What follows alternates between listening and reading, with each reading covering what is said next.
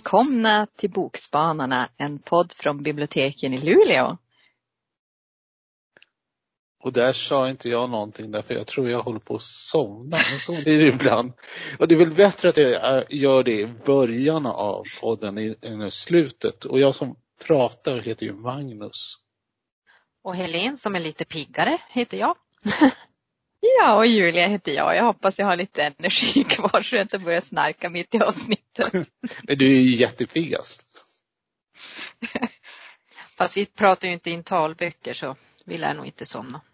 Mm. Apropå mm. det som de pratade om på tv här för ett tag sedan. Hemska och vad saker. pratade de om? De pratade om att de som spelar in talböcker för de som har synskador eller något annat handikapp som gör att man inte kan läsa in eh, en fysisk bok. Eh, de, det är inte alltid så bra kvalitet på det tydligen. Där är det tydligen så att mitt i allt så hade någon somnat, en uppläsare. Och då finns det alltså inte, jag vet inte om det heter korrekturläsning, kan det inte heta när det är talböcker, men alltså att någon lyssnar igenom och ser att allt är okej. Okay. Hemska och jobba på sin kvalitetskontroll. Ja, verkligen. Men i den här podden så somnar vi inte och snarkar inte. Jag måste tillägga att det finns det som är värre. Det finns något som heter LibriVox där eh, frivilliga läser in liksom klassisk litteratur mm. i ljudboksform. Och eh, det är lite sådär märkliga inläsningar. Alltså man kan märka att det är utbytesstudenter som har gjort det som kanske är bra på de franska partierna, de franska citaten och resten är inte riktigt lätt att förstå när de kör sin knaggliga engelska. Men min favorit det var en eh, Austin-bok som var inläst av en kvinna som hade en undulat kvittrandes genom hela inspelningen. Och det bidrog lite till den där intima salongskänslan. Så det enda som jag saknade var att det hade varit lite tekoppar som klinkade då och då. Det blev bra i slutändan. På något sätt. På något sätt. Jaha, vad har ni läst då för någonting? Ska jag börja kanske? Utan att somna, ja absolut. Utan att somna. Eh, jag har läst en roman som heter In Five Years av Rebecca Searle. Och det handlar då om Danny Cohan som är en framgångsrik advokat på Manhattan. Hon har allt under kontroll. Hon har ett femårsplan med sitt liv och allt går enligt de planerna hon har satt upp för sitt arbete och privatlivet. Som man kan förstå, ja hon har lite svårt med spontanitet och flexibilitet för hon tycker att allt ska gå enligt planen. Den 15 december så har hon en fantastisk arbetsintervju för sitt drömjobb och på kvällen under middagen så friar hennes pojkvän David till henne. Så bara yes, allt går enligt planerna. De firar genom att dricka lite för mycket vin och när Danny vaknar så vet hon inte om var hon är. Och så har hon en ring på fingret som hon inte känner igen. Oh. Och på tvn, då ser hon att det är samma dag men fem år i framtiden. Och i den här okända lägenheten, då finns det en främmande man som har lagat middag åt henne och ger henne en kyss. Och sen vaknar hon upp bakfull då dagen efter den 16 tillbaka då i sin lägenhet med sin fästman David och hon vet inte vad, hon, vad ska hon tänka om den här liksom, drömmen. Den här timmen hon spenderade liksom i framtiden. Hon har svårt, lite, lite svårt att skaka av sig det men hon lägger det liksom, vad, jag menar vad skulle du göra om du vaknade upp i framtiden som inte stämmer liksom överens med vad du hade tänkt. Och sen nu hoppar då historien fram fyra och ett halvt år. Och Dannys liv har väl varit lite på paus. Bröllopet har skjutits upp flera gånger så nu när vi återser henne så är hon på väg till en middag och hon har sin fästman med sig och hon ska träffa sin bästa eh, vän Bella och Bellas nya pojkvän Greg. Ja, vad tror ni händer? Jo, mm. Danny kan inte tro sina ögon. För Greg, hennes bästa väns nya pojkvän, han är den där mystiska mannen som hon träffade och kysste i sin dröm flera år tidigare. Mm. Och vad ska hon göra? Liksom vad är det som händer? Hon tänker, håller jag på att liksom förlora förståndet? Eller är det ödet som har talat om någonting för mig? Och liksom, Danny och Bella har ju varit bästa vänner sedan de var sju år gamla och det har alltid varit de två. De är jätte liksom tajta men det här kan hon ju inte prata med henne om. Ska hon kunna, hur ska hon kunna göra någonting? Så det här är ju en underhållande kärlekshistoria och det är en liten twist, det är även lite sorgligt. Jag tror det skulle bli en jätte, jättebra film.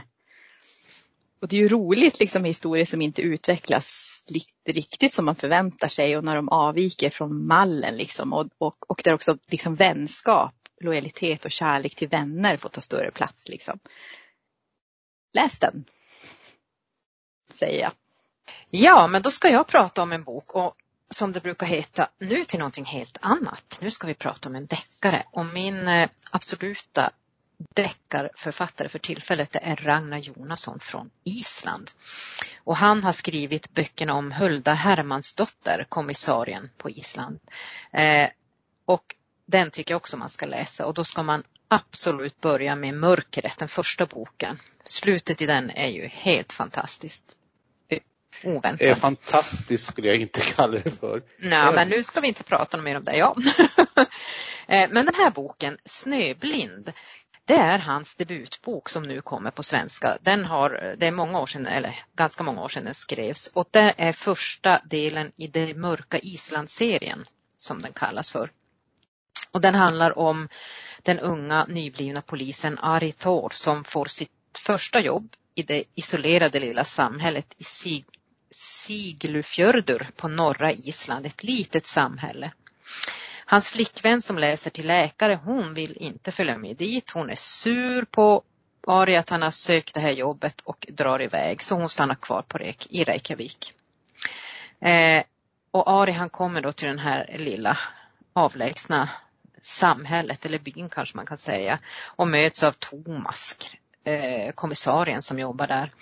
Och den här byn är ju, ja, som många kanske är, att man blir lite avvokt inställd till nykomlingar och man till exempel, man låser inte dörren för det har ju aldrig hänt någonting här och det är ett lugnt samhälle. Men naturligtvis så blir det ju eh, någon som dör eller ett mord, tror man, tror man inte. En känd gammal författare hittar stöd efter en teaterrepetition nedanför en trapp. Och Ari han tycker väl att ja, man kanske ska undersöka det här. Nej, nej, säger Thomas, det där är ju bara en olycka. Här händer det inget speciellt. Men sen hittas en ung kvinna eh, knivskuren i snön med svaga livstecken.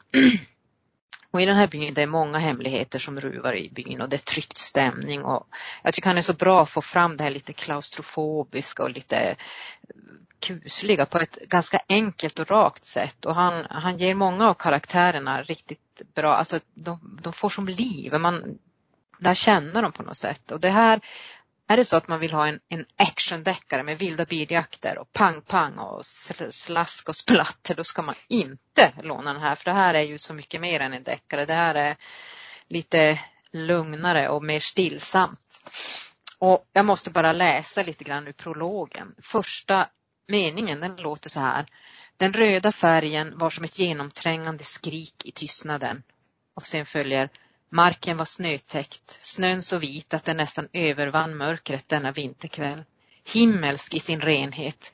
Det hade snöat sedan morgonen. Snöflingorna var stora och mäktiga och föll majestätiskt till marken. Det är som kontraster. Och längre ner i prologen så kommer Fjällen som agerade skyddsmur åt staden var nästintill helvita denna kväll. Däremot tycktes det under de senaste dagarna ha gått bet på sin uppgift. Någonting främmande, någonting hotfullt hade smugit sig in i staden. Något som hade hållit sig så gott som osynligt ända till denna kväll. Hon låg i mitten av trädgården som en snöängel. På håll såg hon fridfull ut. Armarna pekade ut från sidorna åt varsitt håll. Hon var klädd i slitna blå jeans men naken ovanför midjan. Det långa håret tecknade en krona i snön. Snön borde inte vara så där röd. En liten blodpöl hade bildats intill hennes kropp. Huden verkade förlora färg oroväckande snabbt och antog en bländvit ton som för att skapa motvikt mot den röda färgen som var så skarp. Läpparna blånade. Hon flämtade. Ögonen var fortfarande öppna. Hon verkade titta upp i den mörka himlen. Och sen, plötsligt, slöts ögonen. Och så börjar historien. Så att den är ju inte helt eh, otråkig. Alltså den är inte helt tråkig om man säger. Utan eh, spänning, den är spännande men den är liksom den här stillsamma deckaren. Så att man vet vad man får. Mm. Men jag gillar ju han jättemycket.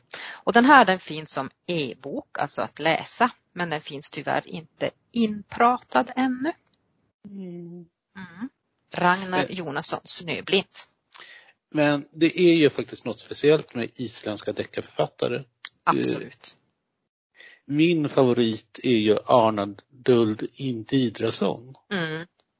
som har skrivit Reykjavik-böcker med eh, kommissarien Erlendur. Vilket är väldigt eh, passande namn för han är verkligen eländig. Han har en dotter som är prostituerad och narkoman. Han har en son som har alkoholproblem. Eh, han är frånskild. Och hans barn, de är liksom någon sån där straff som dyker upp liksom vid olika tillfällen och ska bo hos honom och liksom när det börjar hetta till och börjar bli en sån där liten relation, då liksom säger de fuck it, vi har ändå aldrig haft någon kontakt med dig, nu drar, drar vi.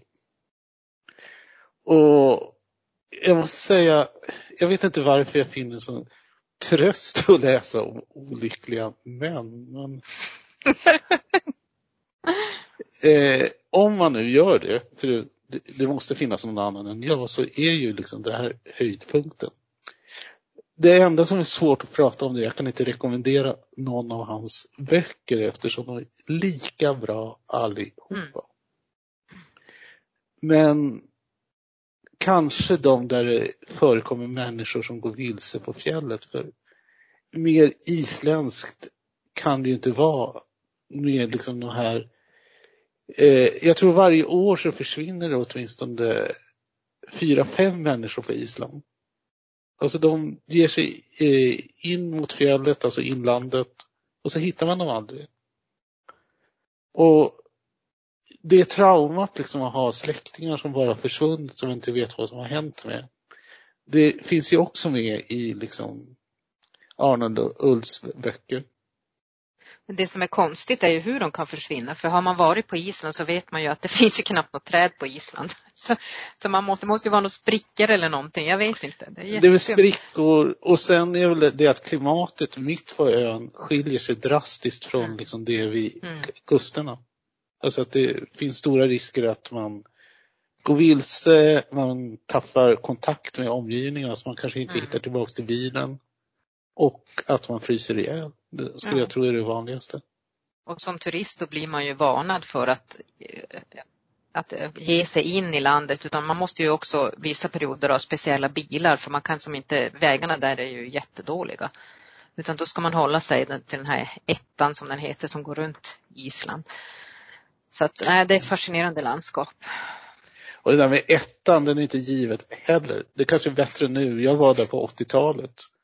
Och eh, partier av den där riks, riksvägen, det gick genom något som jag skulle karaktärisera som en kohage. Och sen så far bilen på tvären och studsar fram.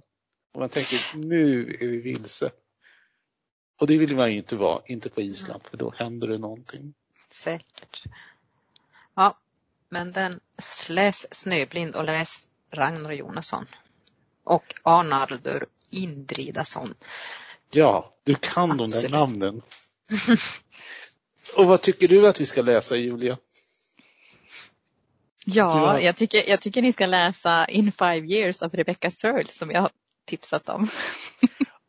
Och du berättar ju inte om det bästa med den. Den hade ju guld på eh, Ja, eller framsidan. hur? Det glittrar lite grann av guld på framsidan, ja. Bara Så man vill ha lite glam i sitt liv. Men då måste jag fråga, var den på engelska? Har du läst den på engelska? Man vet ju Jajamän. inte nu för tiden. Ja. Den här, den, ibland här är, den här är på engelska, ja. Finns den på översatt till svenska? Det finns den inte, utan Nej. den finns endast på engelska. Men det är, den är väldigt lättläst. Stor text, breda marginaler. Mm. Men jag tänkte för nu för tiden, det är ju som Magnus sa, det kan ju vara en svensk bok med en engelsk titel. Absolut, ja. det kan det absolut vara. Men den kommer säkert på svenska skulle jag tro. För de Kanske som som, kanske, läser det. kanske som en film på någon strömmingstjänst, hoppas jag. Magnus, hade du några mer böcker då? Nej, jag tror nog faktiskt att jag nöjer mig med detta lilla pop-up-tips. Då kanske vi inte hade så mycket mer att dryfta. Nej, jag vet inte om vi ska upprepa igen vad vi hade läst, men jag sa ju som jag sa nyss, In five years of Rebecca Searle. Och Snöblind av Ragnar Jonasson. Första delen i serien Det mörka Island. Och jag pratar allmänt om Arnadel Intidrason för man ska läsa allt, precis allt av honom. Hej hej! Hej hej!